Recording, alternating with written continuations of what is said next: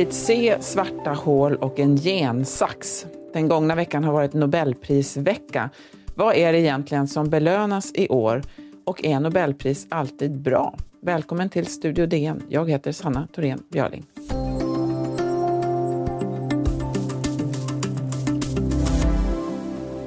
This morning, when I received uh, the call from the General Secretary of the Royal Swedish Academy of Sciences, I was, I was extremely emotional and extremely moved, as a matter of fact. Um, yeah, I, I, I, mean, it sounds surreal that I say this, but I could not believe it, even though I knew that uh, it would happen one day. But when it happens, then you have to digest it and realize that, yeah, it has happened. Ja, så glad blev Emmanuelle Charpentier när Nobelkommittén ringde upp och sa att hon hade fått pris i kemi, Nobelpris i kemi för sin gensax. Hon är eh, kemist. I Studio DN idag ska vi prata med DNs vetenskapsredaktör Maria Gunther om årets naturvetenskapliga priser. Hej Maria! Hej! Om vi börjar då med eh, Emmanuelle Charpentier och hennes kollega Jennifer Doudna. De, hon, Charpentier ska man ju säga gjorde det stora genombrottet i Umeå, det är ju fantastiskt. Men vad var det för genombrott? Vad har de fått eh, pris för? Alltså de har ju då gjort en, eh, ja de har utvecklat en väldigt exakt gensax som du sa.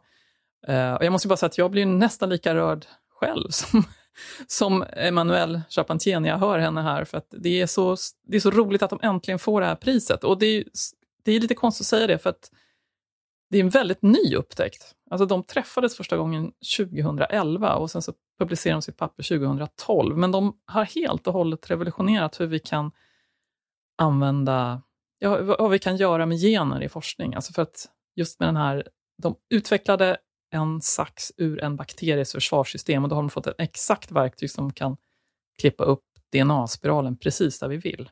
Hur betydelsefullt är, de att, är det, tycker du, att de båda två är kvinnor? Det är ju extra roligt. Alltså det här är ju första gången som ett naturvetenskapligt pris delas av två kvinnor. Det, alltså det är ju ja, det är första gången två kvinnor får ett naturvetenskapligt pris samtidigt, eller samma pris samtidigt också. Det, men det har ju varit, de har alltid delat med män tidigare.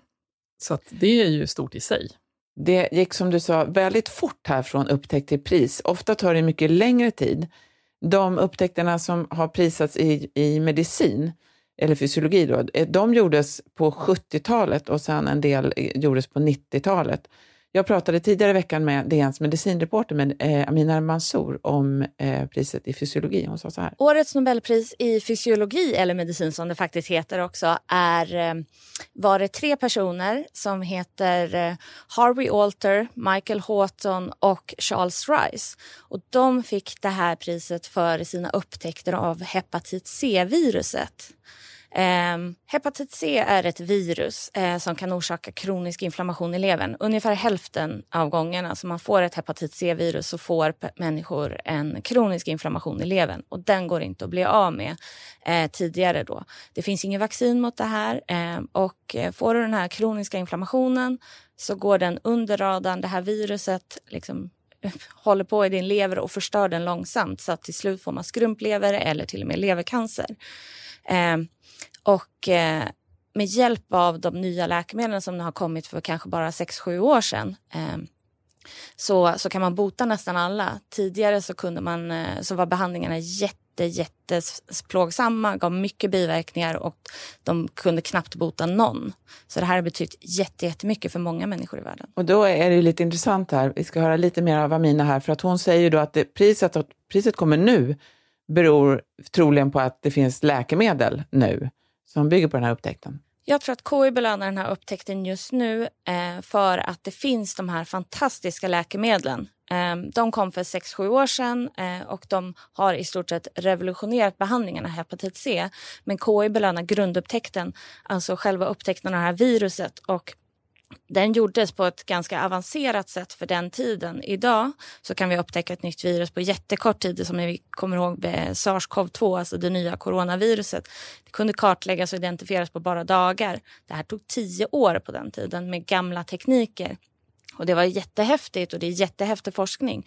Så jag, men jag tror att man belönar grundupptäckten just för att man ser vilken effekt det har fått i världen. eh, just att man nu kan bota människor. Man skulle kunna utrota den här sjukdomen som drabbar över 70 miljoner människor i världen verkar leva med eh, kronisk hepatit C. Men det här är ju också extremt dyra läkemedel. I Sverige kan alla få dem nu eh, oavsett om man har svår sjukdom eller väldigt lindrig sjukdom. Men i många delar av världen så får man ju inte det här. Så att det här kanske också är ett sätt att uppmärksamma att det är väldigt orättvist fördelat det här läkemedlet. Om vi går tillbaka till eh, gensaxen och kemipriset som Maria Gunther nu pratade om tidigare. Eh, när det gäller den, vad, den fick ju priset nu då, den är väldigt användbar tydligen. På vilket sätt då?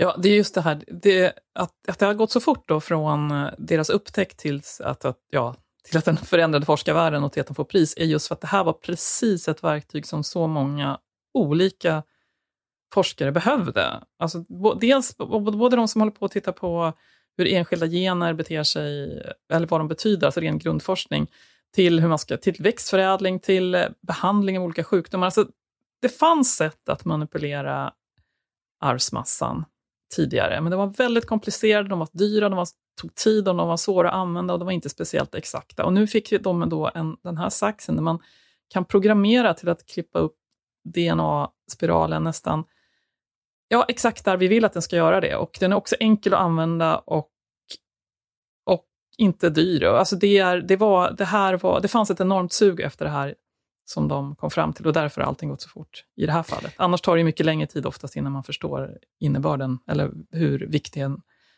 ett genombrott är.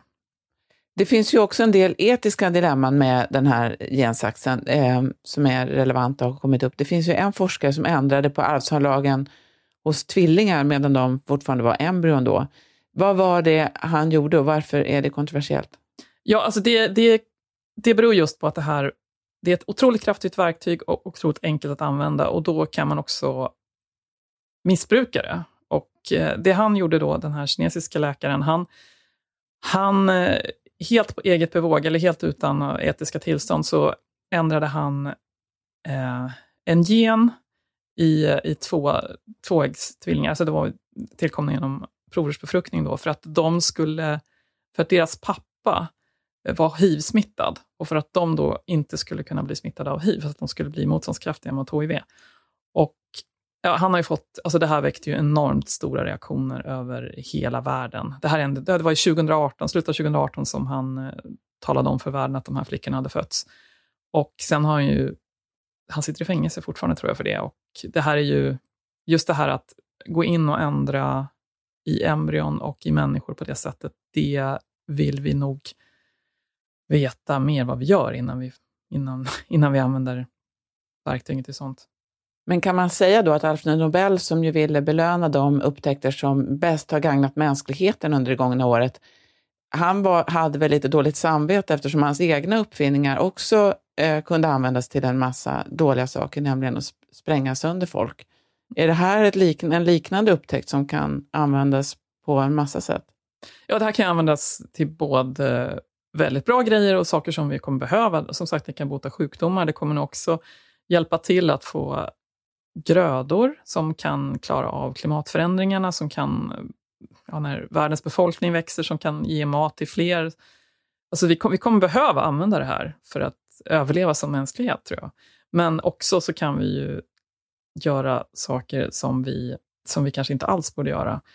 Alltså, dels kan man behandla sjukdomar hos vuxna människor och som, då behandlar man en enskild gen och så kan de bli botade för svåra sjukdomar. Alltså, man har redan börjat behandla sickelcellanemi alltså, och sånt. Men, sen, men om man går in och börjar göra ändringar i, i gener som vi för vidare till nästa generation, alltså man börjar ändra i könsceller, så, här, så man får förändringar som kommer gå i arv till barn, och så, då, då är man inne på helt andra saker. Då kan vi inte förutse vad som kommer, vilka biverkningarna kommer bli och vad det kommer leda till.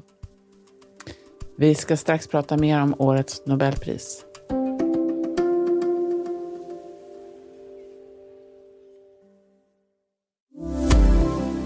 Vi pratar med DNs vetenskapsredaktör Maria Gunther om de naturvetenskapliga Nobelprisen. Det var kemi och fysiologi då. Men du, är, eh, Maria, du är ju fysiker. Är fys fysikpriset särskilt spännande för dig? Ja, fysikpriset är alltid det som jag brukar se fram emot mest. eftersom fysik är mitt ämne. Och i år blev det svarta hål. Eh, det har ju de flesta hört talas om, men det går inte riktigt att förstå. Vad är det här för pris? Ja, det här är ju också ett väldigt roligt pris. Eh, det, är då, eh, det går då till Roger Penrose eh, och sen, han får ena halvan och sen andra halvan går till Reinhard Genzel och Andrea Gees. Och Roger Penrose, han är en teoretiker som på 60-talet, alltså 1965, så publicerades hans grej. Så det här är en riktigt, riktigt gammal upptäckt som han belönas för nu. Där han visade, han kunde matematiskt visa att svarta hål finns, eller att all, Einsteins allmänna relativitetsteori förutsäger att svarta hål finns. För det var väldigt omtvistat. Einstein själv trodde ju inte på det här, till exempel. Och inte många andra heller. Men han kunde visa det då. Och sen Reinhard Genzel och Andrea Ghez, de visade, långt senare så kunde de visa att det finns någonting stort, någonting väldigt, väldigt, väldigt tungt, men inte så stort, men alltså väldigt massivt i mitten av Vintergatan. Som det enda, vår enda förklaring till vad det är, är att det är, måste vara ett svart hål. Eller vi har ingen bättre förklaring. Det verkar otroligt läskigt. Det är liksom som att allting, natur, alltså naturlagarna kollapsar där inne och tiden typ försvinner. Precis. Alltså, i, mitt, mitt i ett svart hål så finns det som kallas en singularitet. Och där är gravitationen oändlig, där tar tiden slut och där bryter alla våra kända naturlagar samman. Och det är ingen som, det går inte att förstå. Liksom. Men, men det, det, det, det är en följd av den allmänna relativitetsteorin, att sådana saker kan finnas. Alltså det som händer är att en, en riktigt stor stjärna blir så tung så den kollapsar in i sig själv, så att gravitationen bara blir större och större. Men du, har, du skrev att det här, liksom, vi är bara i början på att forska på det här. Vi vet väldigt lite. Hur, hur forskar man? Räknar man? Alltså man kan inte, det, det känns ju väldigt läskigt att så här, komma nära ett svart hål. Ja, de, de, de stora svarta hålen är så långt borta så vi kommer personligen inte kunna komma så nära dem liksom under många livstider ens med de snabbaste rymdfarkoster vi har, så vi behöver inte vara oroliga för det. Men man kan ju studera dem... Alltså man kan, alltså det, Svarta hål är väldigt svårt att studera eftersom inget, inte ens ljuset kan lämna dem, så vi kan inte se vad som finns där inne. Vi kan ju se det som finns fram till det som kallas händelsehorisonten, som är liksom svarta hålets gräns. Och förra året så kom ju då för första gången en bild av, av hur det ser ut alldeles vid händelsehorisonten, eller alldeles utanför händelsehorisonten för ett svart hål. Och det var ett jättegenombrott. Så då har vi för, och då kan vi se, där är det här blir ett helt...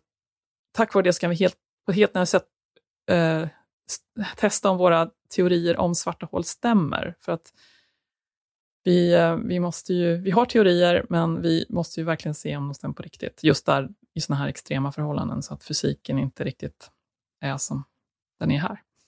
Alltså händelsehorisont, det, det är verkligen det är, så, det är så poetiskt allt det här, är inte det? Det är väldigt poetiskt.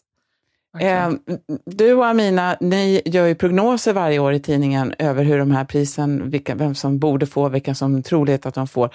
Ni är ju jätteduktiga på de här prognoserna. Ni prickar ju rätt. Alltså hur gör man en sån här prognos? Ja, det är ju, i år så prickade vi ju prickade vi ju nästan alla tre priserna rätt. Alltså jag, jag hade tippat på andra fysikpristagare, men samma område. Och Amina hade tippat på lite andra pristagare i medicin, eller en var samma som hon hade tippat, men de andra. Men både, i båda fallen så har Nobelkommittén gått längre bakåt i, i vetenskapshistorien och tagit upptäckterna som låg före dem som vi ville ge pris till. Men alltså det här att vi har tippat rätt på alla tre, det är ju det har ju aldrig hänt förut. Och det är också lite roligt i år, för i år var vi verkligen, ingen av oss var alls så där peppade på Nobelpris som vi brukar vara. För nu har ju bara, vi bara hållit på med pandemin här sedan i februari, eller ja, i Aminas fall ända sedan januari. Så att börja tänka på annan vetenskap nu var ganska svårt. Och ändå så lyckades vi. Det är väldigt mm. roligt. Jätteroligt. Men det blir ingen bankett i år. Kommer du sakna det? Ja, det kommer jag sakna. kanske du också saknar. Du har också varit där några gånger. Men, och det kommer ju säkert, det är ju synd om de här Nobelpristagarna nu som faktiskt inte får komma och få sina priser. De kommer, får inte komma till Stockholm, de får inte gå till festen. Men jag tycker de gör det bästa av situationen, Nobelkommittén och alla Nobelstiftelsen. Tack Maria Gunther, DNs vetenskapsredaktör. Studio DN görs för Podplay av producent Sabina Marmelakai, exekutiv producent Augustin Erba, ljudtekniker Patrik Miesenberger och teknik Jonas Lindskog, och Media. Jag heter Sanna Thorén Björling.